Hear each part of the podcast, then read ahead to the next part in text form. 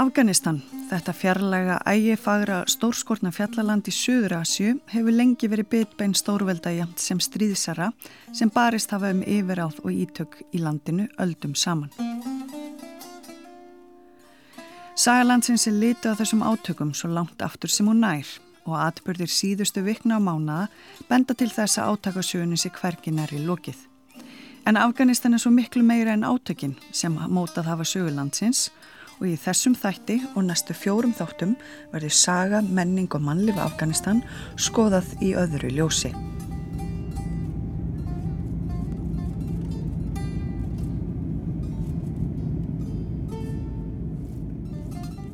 Við erum stöttum borð í flugvil á leði til Afganistan.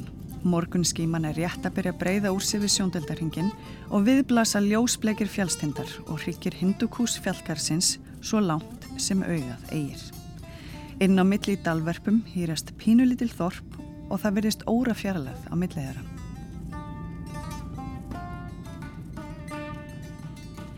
Smám saman lækkar flugvelin flugið, hvítir fjallatoppar verða á brúnum og byggðin þjættist.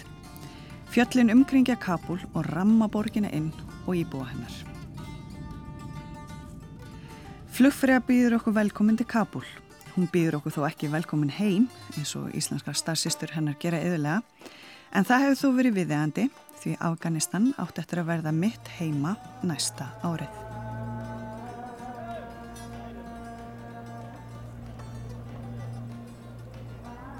Það er nabur janúmorgun og mistur yfir borginni eða öll heldur mengun. Árið er 2018 og ég er komin til að vinna sem upplýsingafulltrúi hjá NATO á vegum Íslensku friðagesslunar. Þetta er 17. árið sem bandaríkin og NATO hafa viðvöru í landinu en Ísland hefur tekið þátt í aðgjörum bandalagsins frá upphafi.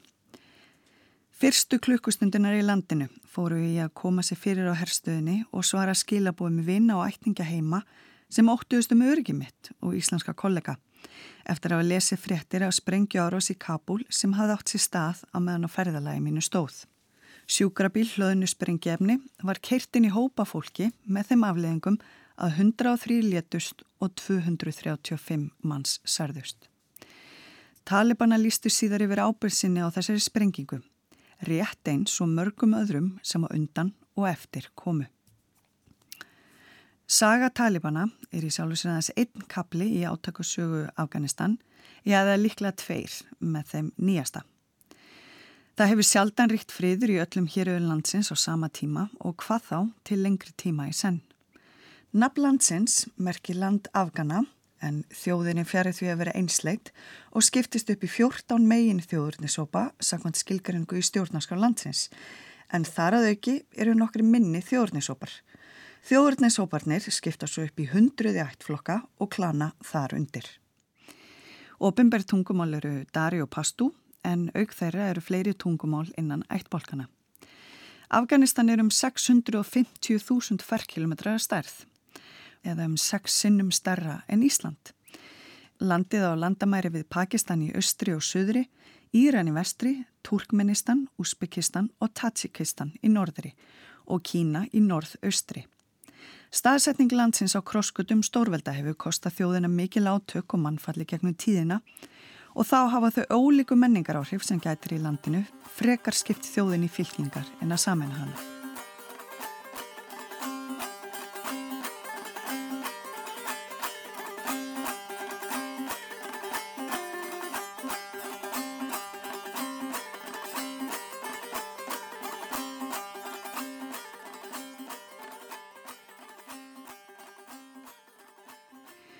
Alexander Mikli reðst inn í Afganistan 330 árum fyrir Krist, hersveitir Gengis Khan fóru þar um með miklu áforsi og Afganistan lendi mitt á milli landvinningakaplubu rúsa og breyta í Asju á 19. öld, oftast nefnt hinn Mikli leikur eða The Great Game. Rússar vildu stakka yfir áðsvæði sitt sögur eftir álfunni og breytar bendu sjónun sínum að Indlandi og Pakistan. Breytar óttust ítök rúsa og fórun í Afganistan til að ná landinu undir sig Fyrst árið 1838 sem endaði með skelvilegu blóðbaði og mannfalli í rauðum breyta. Breytar gerðu aðra innráðs í Afganistan 1878 en án teljandi árangus og sneru þeir sér að Pakistan og Indlandi í auknum mæli upp frá því. Það var ljósta að afganar eruðu ekki begður undir aðra þjóðir á meðan emirinn Abdur Rahman Khan væri við völd og að rússar og breytar eruðu að sættast á eitthvað svona hlutlösland mitt á milli sinna yfir ásvæða, Pakistan og Indlandu til stjórn breyta, meðasjölöndin Turkmenistan, Úsbekistan og Tatsikistan undir stjórn rúsa. Habibullah tók við að emirnum föðu sinum 1901 í friðsanlegum valdaskiptum einum farra í sögu landsins. Hann feldi sér ekki við fyrirkomulega rúsa og breyta um Afganistan sem eitthvað skona stuðpúða mellir ríkjana og sóttist eftir auknum samskipti við Sovjetríkin. Ekki voru allir fylgjandi fyrirætlunum Habibullah og var hann myrtur snemma ás 1919. Bróður hans Amanullah tók við og eitt fyrsta verka hans var að egna breyta til þriðju innrásarinnar í Afganistan á vortu um 1919. Sú varði stutt og leiti til endanlegarar uppgjafara breyta og samnings við Afgana um sjálfstæði. Sovjetríkin voru meðal fyrstu þjóða til að viðkynna sjálfstæði landsins og diplomatisk samskipti þjóðana jökust upp frá þessu. Amanúla skipti snemma áti emirstitlinum fyrir konungstitil. Hann vildi nútíma væða landið og þjóðu sína, svo mjög að mörgum þótti nógu um. Það vakti til að mynda miklan nexlan að hann lefði drottningu sinni svo ræju að koma fram ofinbarlega án slæðu og jafnvel í erma lausum kjól sem allir ennmirinn nexlan. Amanúla og Soraya vildu kynna sér stjórnafara Evrópu þjóða og fóru í átta mánað ofinbæra heimsók til Evrópu 1928. Fréttir að ferðalagi þeirra þóttu mikil tíðindi og rötuðu meðal annars á síður tímans 28. april 1928. Konungurinn í Afganistan hefur verið á ferðalagi um Evrópu og hlotið miklar viðhafnar viðtökur hjá stórveldunum. Konungurinn er sagður velmentaður maður og fór þessa för að sögn til að kynna sér verklegar framkvæmdir í norður álfunni. Er Afganistan mjög á eftir tímanum menningarlega.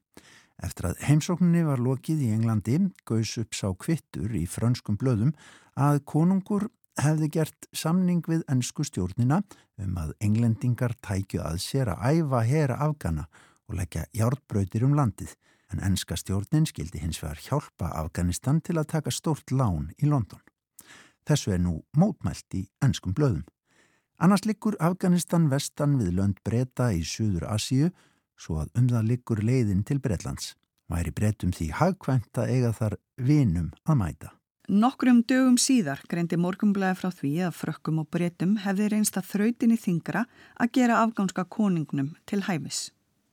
Englendingar eru nú lausir við konungssjónin frá Afganistan, segir Parísar útgáfa Chicago Tribune og það er eins og þungu fargi sé léttaðum. Slíkir vandraða gestir hafi ekki heimsótt breyta. Afganakonungur var mjög sár ef hersveitir stóðu ekki í röðum og fylkingum á þeim göttum sem hann fór eftir. En stundum gerðan það bölvun sinni að velja á seinustu stundu aðra leið en hann hafði ætlað sér.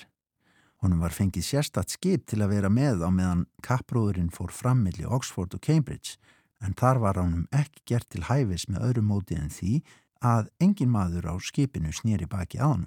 Sömu kröfu gerðan er hann fór í flugvél. Auk þessa hafa konungsjónin keift ógrinni af vörum án þessa borgaðir og lendir því enska stjórnin í sömu klípunni og franska stjórnin sem varðað greiða þrjár miljónir franka fyrir vörur sem konungsjónin höfðu keift í París og glemt að borga. Hvort framkoma konungshjónana ein og sér hafi haft ekkur áhrif á samninga breyta um þjálfun hersins skal ósatt látið. En í kjölfar heimsóknarinnar fóru breytar að draga úr stuðningi sínum við Afganistan. Amanullah hafði auk þess reynt æhýrari auga til Sovjetríkina. Löndin gerði síðan með sér sáttmála 1926 um aukna samvinnu og viðskipti. Tilraunir Amanullah til að nútíma væða þjóðu sína þóttu full framúrstefnulegar og hann var rækin og valdastól sinum 1929 og flúði útlegð. Batsja Sako hrifsaði krúnuna til sín en misti hann að fljóðlega hendur herfóringjans Mohamed Nadir Shah sem rétt endist tæp fjögur ári ennbætti þar til hann var myrtur árið 1933. Sónur hans, Mohamed Sahir Shah, tók við en það var ljósta þessi ungi maður sem þá var aðeins 19 árað aldri þyrti líklega að hafa sér við hlið reyndari menn til að valda ábyrðinni sem honum var falin. Með öldungur á sér við hlið náðu sjakonungur þó fljótlega að vinna þjóðin á sitt band enda stjórnaði hann með mildari hætti en margir forverar hans og viðtók eitt besta skeið afganskarar sögu. Fyrstu áratugin í ennbætti skiptust þrýr fræntur hans á að vera fórsætisráþrar í ríkistjórn hans og eitt þeirra, Sardar Mohammad Daud Khan, átti eftir að verða mikill örlavaldur afgönsku þjóðarinnar.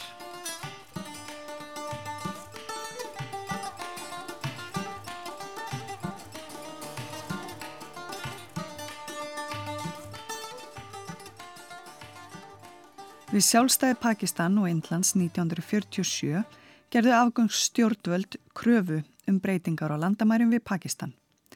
Bandaríkin stuttu Pakistan bæði í landamæradeilinu við Afganistan en einni í deilu þeirra við Indland, en Indland hafði hallað sér til sovjetmanna eftir stuðningi. Afganistan var það peði átökum sovjetmanna og bandaríkjamanna. Skýringar á því er að ykkur er leitt að finna í staðsetningu landsins hvaða þjóðir eru nágrannan þess og ekki síður náttúrlandsins eins og Magnús Þorkell Bernhardsson, professor í sögu miðausturlanda við Williams College í Bandaríkjunum, bendir á. Afganistan hefur sjaldan ef aldrei haft mjög stert uh, miðstyrt ríkisvald. Það hefur verið mjög fjöldreift og, og þess vegna er, hefur verið auðvelt fyrir utan komið upp til þess að ná stjórn ákveðna landsvæðum og þannig fara að skipta sér af, af innraríkismálum þjóðarinnar. En ég held að þetta sé bara fyrst og fremst hvers konar sko bara landslægi í landinu og staðsetningin, þetta er þarna í mið-Asíu og, og er svona ákveð svona tengsl á milli uh, Indlands, Kína, Íran, sem þau eiginlega tengja saman sko Östur-Asíu, Suður-Asíu og Vestur-Asíu. Og þess vegna er þetta kannski svolítið svona sérstaklega land hvað þýlitinu til. Og síðan frá landfræðilegu sjónum með sér, þá er þetta bara svo miklar anstæður í landinu, sko fjallendi sem hefur bóðið upp á ákveð svona öryggi og vernd og þar er lendi hefur þróast kannski ákveð mjög svona sérstök uh, svona menningar heimar innan landsins uh, og ekki vendilega mikið uh, svona samskiptið landslutun á milli, þannig að þess vegna er þetta bara mjög svona, sérst, svona sérstök þjóð hvað það varðar.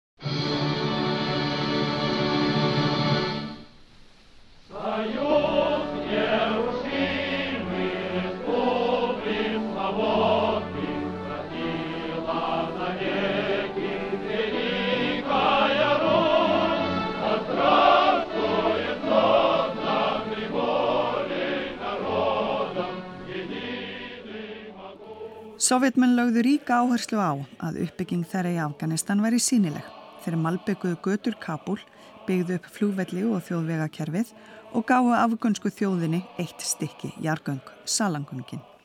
Salangöngin liggja í um 3800 metra hæði yfir sjáamáli í fjallgarði Hindu Kús. Með jargöngunum opnaðist greið leiðmilli höfu borgarinnar Kabul og Masari Sharif, likil borgar í norðri, nærri landamærum Sovjetríkina. Þetta var einn starsta og floknasta vegafrangan sovjetmanna í Afganistan en göngin voru tekinni í notkun 1964.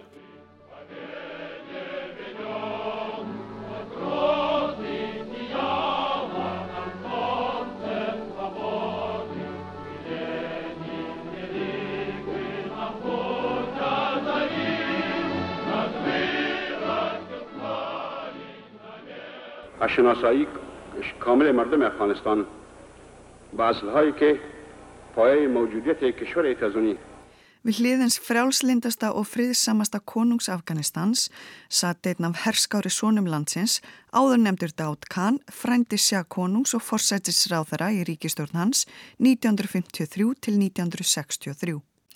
Dátt Kahn fór fyrir gríðastóri hernaröppbyggingu og nútímavæðingu hersins með ríkri samvinnu við sovjetmenn.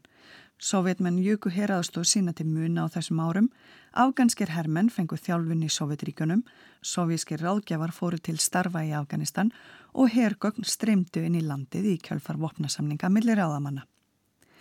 Dátt Kahn röklaðist úr embatti fórsetisráðra 1963 og sjá konungur hjælt áfram vegferðsynni að nútímavæðingu landsins.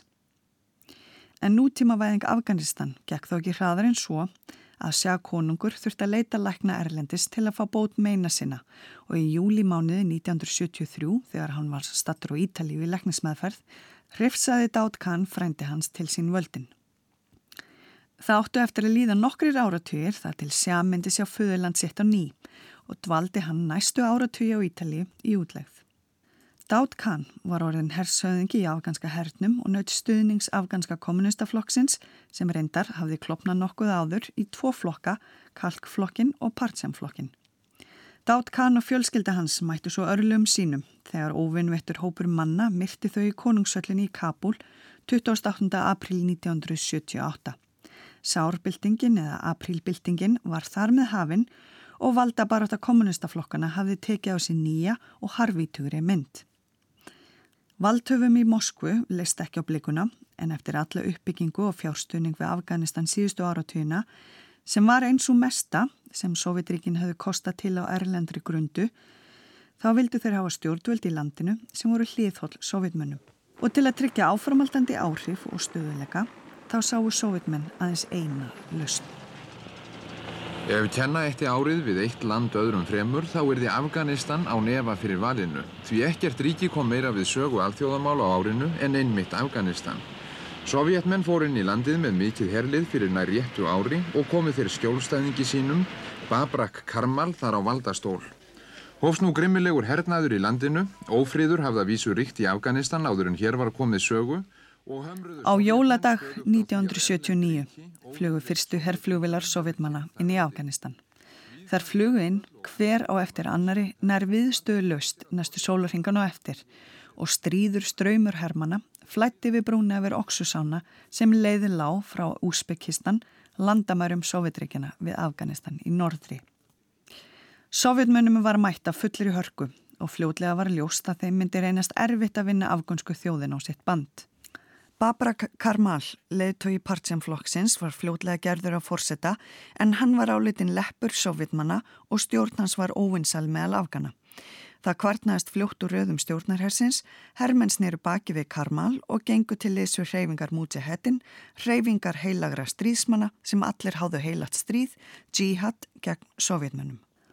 Sovjískar herrmenn köllu liðsmenn múti hettin sveitana drauga því það reyndist þeim erfitt að koma auga á skæruleðana sem runnu saman við landsitt, þekktu landið eins og lóan á sér.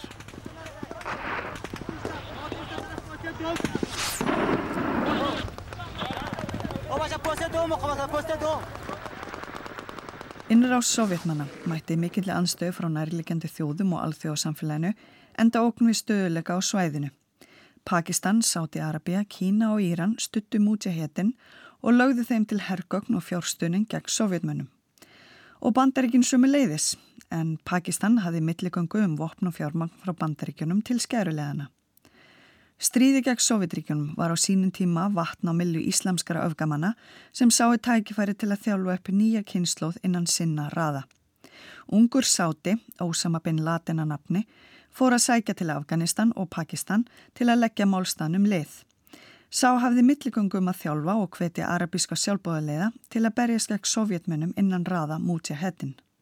Stríði sovjetmanna og hinn að heilögu stríðsmanna varð hatramt og átök versnu dag frá degi. Mannfall var mikill bæði meðal óbreyttra borgara og stríðandi fylkinga.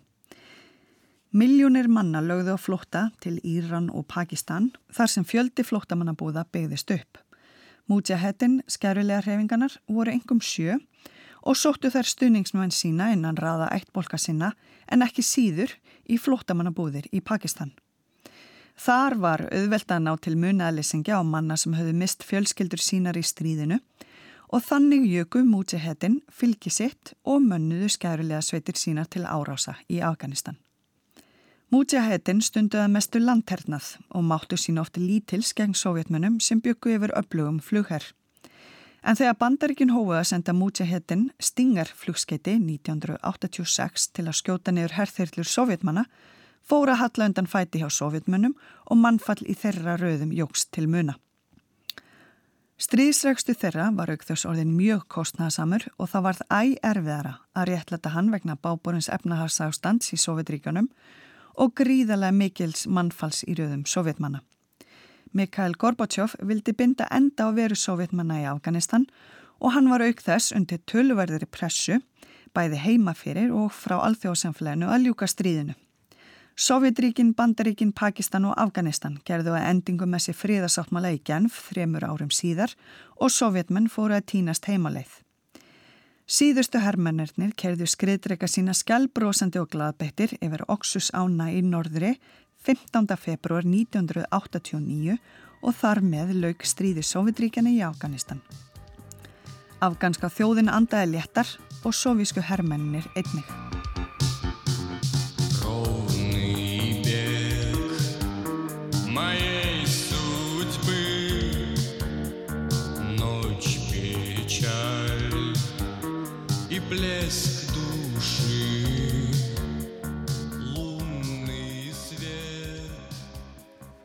Afleðingar stríðisins voru gífulegar.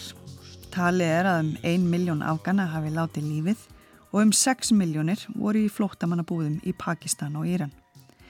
Stríðið hefur verið kallað Vietnam stríð Sovjetríkjana með vísan í mannfall, kostnað og ekki síður leindarheikjuna í kringum stríðseksturinn. Lengi vel vissu íbúar Sovjetríkjana ekki af hverju sovjetmenn væru í stríði, nýheldur hversu hörmulegar aðstæður hermenn þeirra byggu við. Ítla útbúnir, matarlittlir og launalysir. Um 100.000 sovjerskir hermenn voru í Afganistan þegar mest var. Mikil fjöldi þeirra voru lít þjálfær hermenn, átján til 20 ára gamlir sem hafði verið sendið til Afganistan til að gegna tveggja ára herskildu sinni. Sumur hverjir vissu jáfnvel ekki hvert var verið að senda þá. Þeir töpu fljótt sakleysi sínu, ekki aðeins vegna stríðsáttakana, heldur einni vegna grimdar og mannvonsku innan þeirra eigin raða. Um 15.000 sovískir hermenn sneru aftur heim í harðlæstum líkistum og syngi. Aðstandendum þeirra var meinað að sjá þá eða hveðja í hinsta sinn. En fleiri sneru heim slasaðir, uppfullir að reyði og skömm fyrir að hafa tekið þátt í stríði sem öllum stóð á samaðum. Þessir uppgjáfa hermenn fengu viðnefni Afgansi og saga þeirra og stríðsins í Afganistan er að mörguleiti enn óuppgerð í löndum fyrir um Sovjetríkjana. Ég held bara við vanmetum mjög sko áhrif þessa stríðs og hversu blóðugt þetta stríð var. Landi var algjörlega uppnámi og, og, og mikið stjórnleysi og, og mikið eðilegging átt, átt sér stað.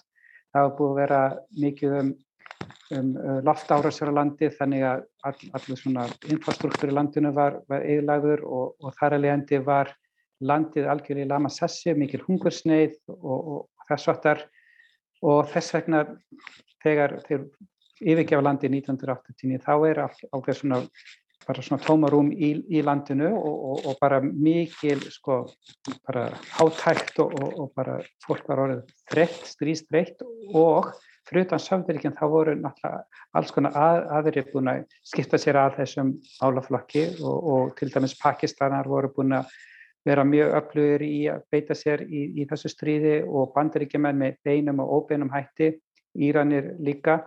Þannig að þetta var þó svo fólk stillis upp sem sko, innrá Sovjetiríkjan inn í Afganistan eins og þetta sé bara mill þess að tvekja ríka, þá var þetta aðeins floknari stríð en svo. Mohammad Najibullah fór fyrir ríkistjórna Afganistan sem var við völd þegar stríðinu laug og naut stuðning sovjetmanna. Við brott hver sovjíska hersins tók stjórnarherrin við herstöðum, skriðdraugum og stórum sem smáum vopnum frá sovjetmönnum og var því vel undirbúin fyrir hvað það sem verða vildi. Stórtækir herrgagnaflutningar frá sovjetmönnum til Afganistan fóru að stað og hundruð sovjískar herrmálaráðgjafa og borgarlegra verktaka voru áfram við störf í landinu. Najibullah og ríkistjórn hans var spáð falli við brottkvarf sovjetmanna en hann náði að halda um stjórnatöma landsins í einn þrjú ár til viðbótar. Hópareinar Mujahedin voru nú ordnir að stjórnmáluflokkum en Sundrung hafði aukist einar hreingareinar. Við fall Sovjetríkina í lok árs 1991 snar stöðvæðast allur herstuðnungur við Najibullah og ríkistjórn hans. Mujahedin menn réðust inn í Kabul á vortu um 1992 og þá hófst borgarastyrjöld millir fylkinga mútsi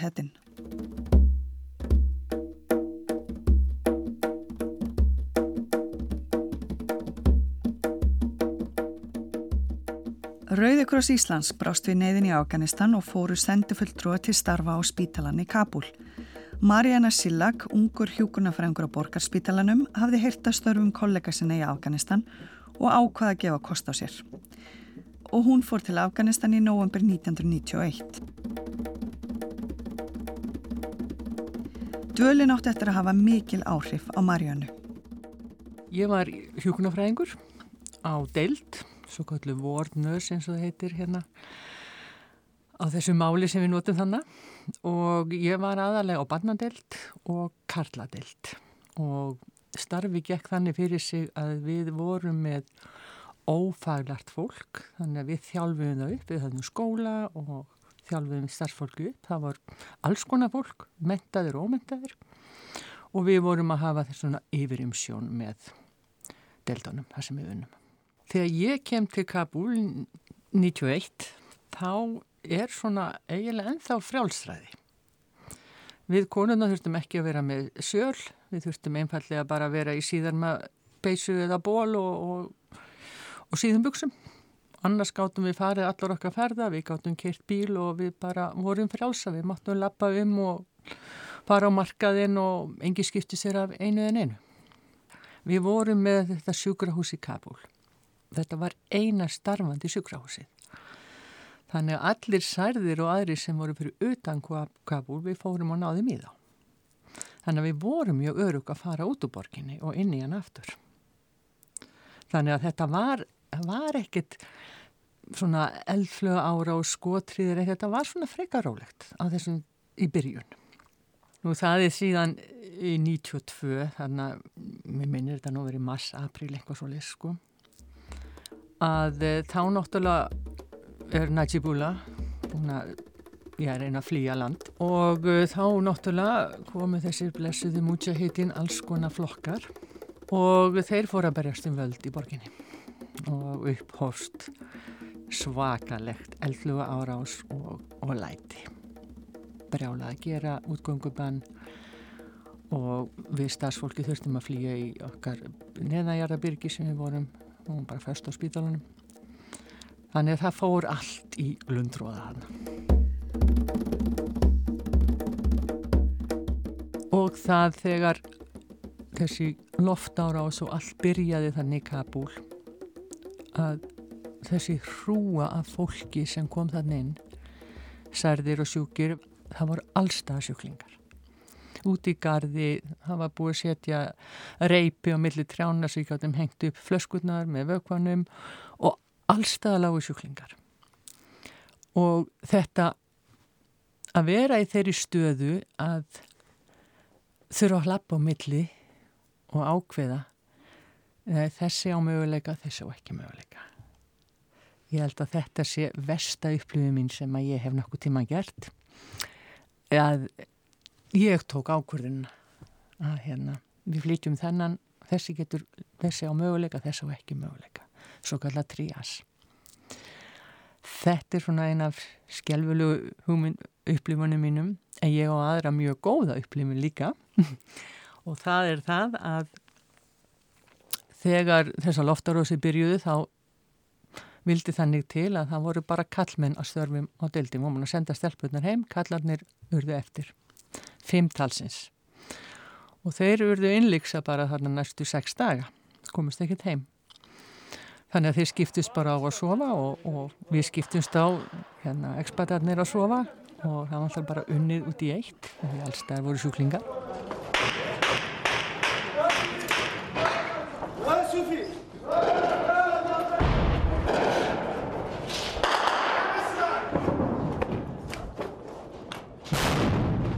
Mismunandi áherslur mútjahettin skerulega hreyfingana, bakland þeirra, uppröni og ólík menningarlega og trúaleg gildi komu bersinlega ljós á þessum tíma.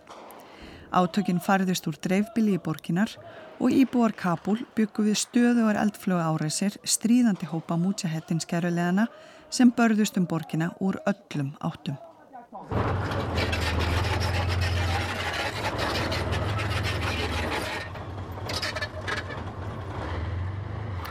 Tatsikin Ahmad Shah Massoud leiti mútjahettins kerulega hreyfingu sem kom frá Pansýrdalunum fyrir norðan Kabul og naut stuðnings Írana og Rúsa.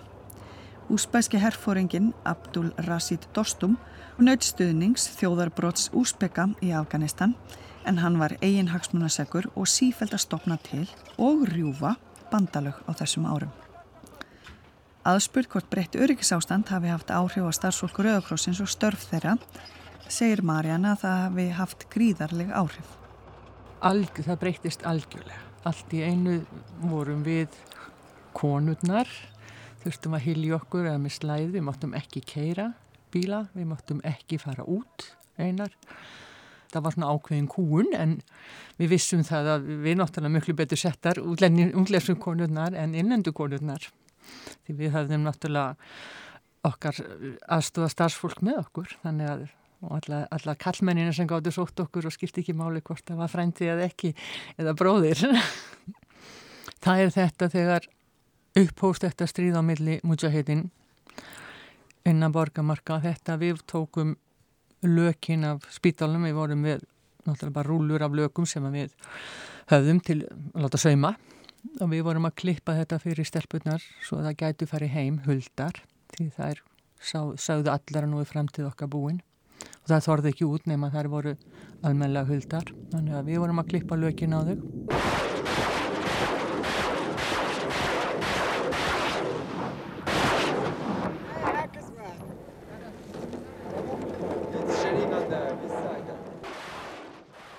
Eldflögum ringdi yfir Kabul áraunum 1992 til 96 sem var blóðuasta tímabil borgarastyrjaldarinnar. Gulbútin Hegmatjar og skærulegar hans í Hespi í Islami heldu til í fjálsleim Kabul í suðri og börðust hatramalega við skærulega sveitir Ahmad Shah Massoud sem var hliðfóllu ríkistjórn Burhudin Rabbani. Hegmatjar og menn hans hlýfðu engum og engu og grimt hans færði honu við nefni slátrarinn í Kabul. Talið er um 50.000 almennir borgarar hafi farist í árásum á þessum árum. Hegmatjar var enda velvopnum búin eftir að hafa barist í fjölda ára við sovjetmenn en skærulega hreyfing hans fekk eitt mesta stuðning allra mútja heddin hreyfingana sem CIA, leinið þjónusta bandaríkina og ESE, leinið þjónusta Pakistan, lögðu til í stríðinu gegn sovjetríkanum.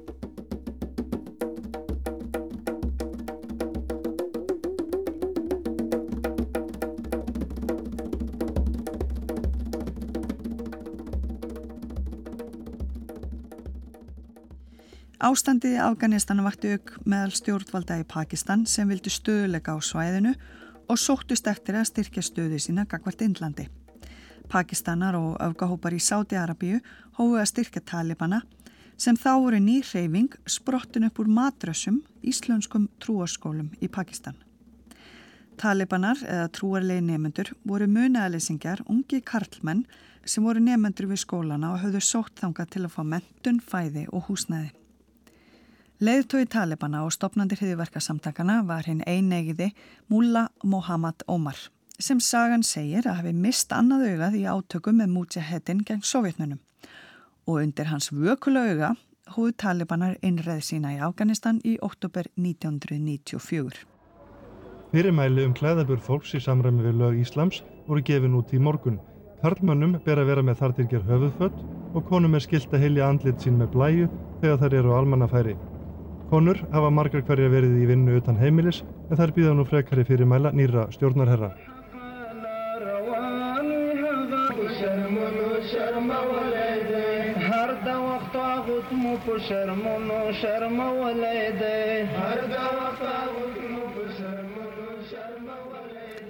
Talibana lofuðu afgönsku þjóðinu að koma á reglu á ný og tryggja öryggi fólksins eftir alla óöldina sem hafði geysað í landinu áratugum saman. Þeir sóttu stuðningsin fyrst til pastúna í Suðri og náði stjórn á borgum og sveitum í Suðri á nokkur mánuðum og varðla án þess að hleypa einu skoti úr Kalisnikov riflum sínum. Það dróðu þjófnaði og greitildum hverskonar en almennir borgarar greiti fyrir þetta nýfundna öryggi sitt dýru verði og fljótlega fór hefði rétta andli talibana að komi ljós. Kjarnin í hugmyndafræði talibana og það sem aðgreindi þá einna helst frá mútjahettin sveitunum var strángtúlkun þeirra á sjarjalögum og markmið þeirra um stopnum Íslamska emiríkisins Afganistan. Hugmyndafræði þeirra náði að ykkur leiti til fólks í dreifðari byggðum en síður í stórum borgum eins og Herat, Masere-Sharif og Kabul þar sem flestir íbúar byggu almennt við meira frelsi og mannréttindi en víða annar staðar í landinu. Talibanar mættu mikillega anstöðu meðal almennra borgara í Herat En í þessari miklu menta og menningaborg vildu konur og stúlkur áfram sækja nám og vinnu eins og þær höfðu að mestu leitið geta gert fram til þessa. Staðakvenna þar var önnur en til að mynda í Kandahar og dreifbili í Suðri þar sem pastúnar voru í meiri hluta. En þar var staður kvenna fyrst og fremst áleitin inn á heimilum og því færri stúlkur og konur sem sóttu skóla og vinnu samanborið við önnur svæði. Þeir voru með mjög afdráttalisa afstöðu og í svona tómarúms ástandi þá er það oft mjög svona, svona afdráttar afl fyrir marga sem er að reyna að finna tilgang í lífinu að, að vera hluti af ykkur svona stóri uh, maskinu. Þarna kom sko, skorturinn að sterku mistyrðu valdi þeim til gags af því að uh, ríkistjórn Afganistan hafði bara hreinlega ekki burðið til þess að stemma stigum við svona nýja öfluga sveit og þeir nýttu sér líka reynsluna sína í stríðinu við sáum hvernig þeir beittu uh, herrkjænsku sína í, í, í þessu stríðu þannig að þetta var tiltala auðvelt fyrir þá að taka þarna yfir en það var sko, mjög lítið mótstaða að hálfu ríkisvaldsins á þessum tíma. Þetta er umgæðið افغانستان د اسلامي امارت د اردو د قطاعاتو د طالبانو محترمو میکانیزه غون د لوج د مخې د تیرېدو په حالت کې دی Talibanar náðu Kabul í september 1996 og stopnuði Íslandska emiríkið Afganistan. En stjórn þeirra var einungis viðukend af Pakistan, Sáti-Arabíu og saminuðu arabísku fyrstadæmonum. Eitt af fyrstu verkum þeirri í Kabul var að ná Nazi-Bulla úr höfustöðum saminuðu þjóðana í borginni Þángað sem hann hafi flúið í skjól við upp á borgarastyrjaldarinnar nokkrum árum áður. Nazi-Bulla endaði æfi sína bundin aftan í bíl sem dró hann um borgina og að endingu var hann hengtur upp í staur. Í gær tóku þeirra lífi Naji-Bulla, fyrverandi forsetta og bróður hans og í dag fóru fram aftökur tveggja annara ráþeira en þeir höfðu ásamt Naji-Bulla verið í felum í byggingu saminuðu þjóðana í Kabul síðustu árin frá því skæruleðar Mujahedin hrifsuðu til sín völdin. Magnús Þorkell segir að lögjafavald og dómsvald Talibana hafi verið mjög sínilegt og þeir hafi beitt dómsvaldi götunar til að undistrykka stefnu sína og stjórnarætti. Á þessu tíma þá var kannski heimurinn ekkit endilega að fylgja svo mikið með málöfnum Afganistan og þess vegna var ekkit mikið verið að spá í sko, hvað væri raun og verið að gerast á, í, í þessum slóðum. Þetta var bara afskekt og, og fólk hjálp, mistum bara áhugaðan á þessu eftir að sögður menn fóru. Þannig þið gáttu gert þetta svolítið svona í skugganætur og, og, og komið sér upp þarna mjög, ég myndi segja svona öflugu kerfi í, í, í sínu ríki og það sem var líka kannski einkenni við þetta, þetta var ekki einungis afgana sem voru þarna að taka þarna til, til sín heldur voru, var þetta svo til dæla fjölbreytilegur hópur ímsa aðila hérna, hérna og það í heiminum sem voru komin inn til þess að stuðla að eh, svona ákveðin svona tilraun þarna í Afganistan til þess að koma á ákveðinu svona fyrirmyndaríki eh, Talibana í, í, í Afganistan. Talibanar gáttu verðla valið sér starra verkefni í ab stóru landi með sinn fjölda þjóðurnisópa og ættflokka sem skiptust í sunni og síæg muslima. Áallanir þeirra um að innleiða eitt kerfi byggt á strántúlkun sjarjalaga gengur því aldrei upp án ofbeldis og ógnarstjórnar. Talibanar frömdu gríðarleg mannréttindabrót gagvart afgönsku þjóðinni, kúiðu konur, bönnuðu þeim að menta sig og starfa úti, stunduðu aftökur og aflimanir á íþróttaleikvöngum og listin yfir það sem var bannað lengdist með hverju mánuðu sem þeir voru við stjórn, allt frá skák upp í fljótrygga og allt þar á milli.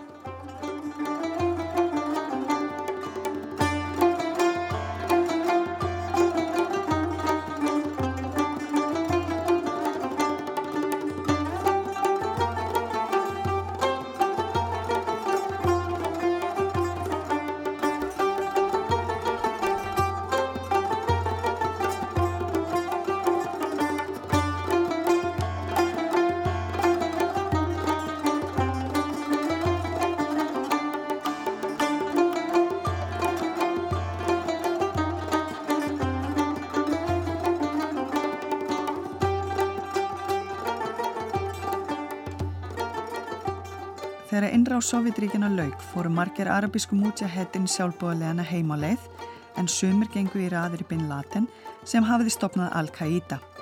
Bin Laden hafði komið sér vel fyrir meðal Talibana og hins einegða Mullah Omars og skipilega hriðverka árasir frá Afganistan. Bin Laden út nokkrar trúareflisingar þar sem hann lísti yfir heilugu stríði gegn bandaríkjunum og hvatti til árása gegn landinu og öðrum vestrænum ríkjum sem hann sagði vera ókn við menningu hins íslamska heims. You have declared a jihad against the United States. Can you tell us why? The US government has committed acts that are extremely unjust, hideous, and criminal through its support of the Israeli occupation of Palestine. And we believe the US is directly responsible for those killed in Palestine, Lebanon, and Iraq. Due to its subordination to the Jews, the arrogance of the United States regime has reached the point that they occupied Arabia, the holiest place of the Muslims, who are more than a billion people in the world today. For this and other acts of aggression and injustice, we have declared jihad against the US. Samtökinn stóðu fyrir fjölda árása á næstu árum sem komu Bin Laden á lista yfir mest eftirlýstu hriðverkamenn heims. Á sama tíma mættu talibanar mikillir mótstöðu við skærulega sveitir Abdul Razi Dostum og Massoud í norður hér um Afganistan en náðu að endingu Masar Sharif 1998. Þeim tókst þó aldrei að söðlaundi sér Pansirdalinn sem var náttúrulegt herrvirki með sínum fjölmörgu fjálstindum allt í kring, sumir alltaf 5.000 metra háir og því gáttu Massoud og menn hans auðveldlega skotið á óvinni sem börðust af jörðu niðri. Massoud var fyrir löngu orðin lifandi góðsögn og hann hafi fengið viðnafni Ljónið af Pansir. Helstir ágjafi Massoud og hans hægri hönd var doktor Abdullah Abdullah, auglagnir sem talaði lítalösa ennsku sem átti eftir að koma sér vel í samskiptin þeirra við Vesturlönd þá og síðar meir. Massoud og Abdullah hóa vara við uppgangi Al-Qaida og Taliban á alþjóðavettvangi og á vortugum 2001 komuð þeir fram á Evrópuþingin í Brussel í fyrstu opiböri heimsókn Massoud til Vesturlanda.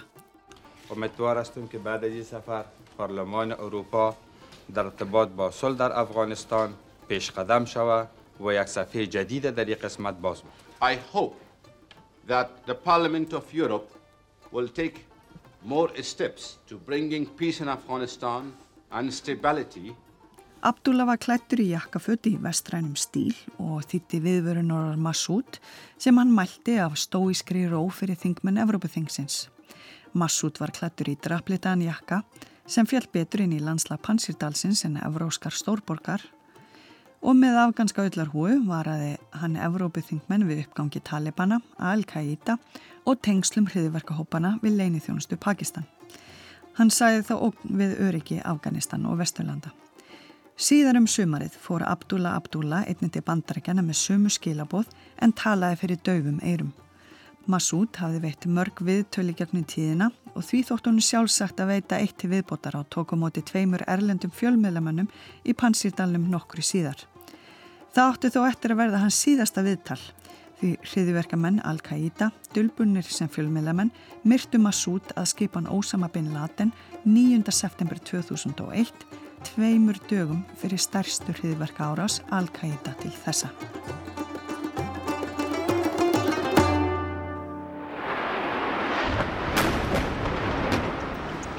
Skelvilegasta hriðverka árás mannkynnsugunar var gerð á bandaríkinn rétt fyrir klukkan eitt í dag að íslenskum tíma þegar tveimur flugvílum var flóið á World Trade Center skíakljúfana í New York.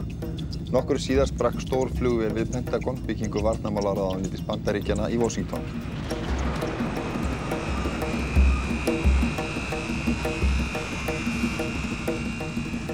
Ekki er vita hversu margir fjallu en ljóst þykir að manntjón er gífurlegt. Bandaríst herlið er í viðbarastöðum allan heim og bandaríski ríkisborgarar hafa verið beðinir um að hafa hægt um sig. Bush bandaríkjafósiti stýri landinu.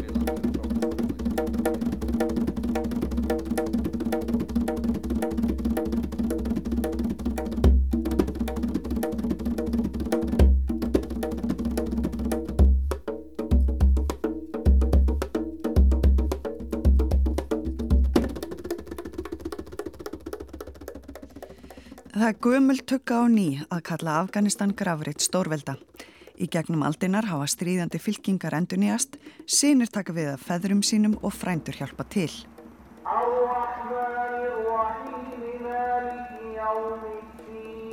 Þræðirnir í sjögu Afganistan eru fjölmarkir og við höldum áfram að kynast landi og þjóði næstu þáttum, aðgerðum bandaríkin á NATO í landinu og veltum fyrir okkur framtíði landsins. Þetta var kallað á þeim tíma en svona síðasti frjálsi staður í jörðinni. Á þessu svæði var hildsala á til dæmis eitilöfum. Þannig var þetta lappinn og svona bara basara þar sem kipt bara svona innkaupa heroin í innkaupaverði og fengið þetta í einsum pakningum og svona þannig að þetta og mikil vopnaframlegsla á þessu svæðu og svo framvegs Because Taliban knows that they cannot rule the country. We cannot they don't have any income. They don't know nothing about the business. They don't know nothing about the, the uh, kind of the system how the governments work. Fólk treystir einmitt ekki stjórnvöldum og þeir líta á stjórnvöld sem bara eitthvað spilt, eh, spilta valdsæra sem eru þarna tímabundið og eru kannski bara einhverja strengjabrúður, einhverja annar afla sem við viti ekki alveg hver eru. Þannig að þetta er eitt af því sem við, við, við vannmetum mjög. Ég myndi segja fólki sem var þarna, það, það er ekki hægt að lýsa þessari tilfinningu þegar marga hvernig þau eru. Þau eru, þetta er stórkoslega þjóð. Þetta er stórkoslega þjóð og stórkoslegt fólk. Og í rauninni, þegar ég fór þannan, þá var, var óbúslega söknur. Það var lettir hjá mér, ég var að fara úr þessum aðstæðum, en það var óbúslega söknur, ég var að skilja þetta fólk eftir. Því þetta var, þetta var svona hálfpartin eiginlega fjölskyldum að svona.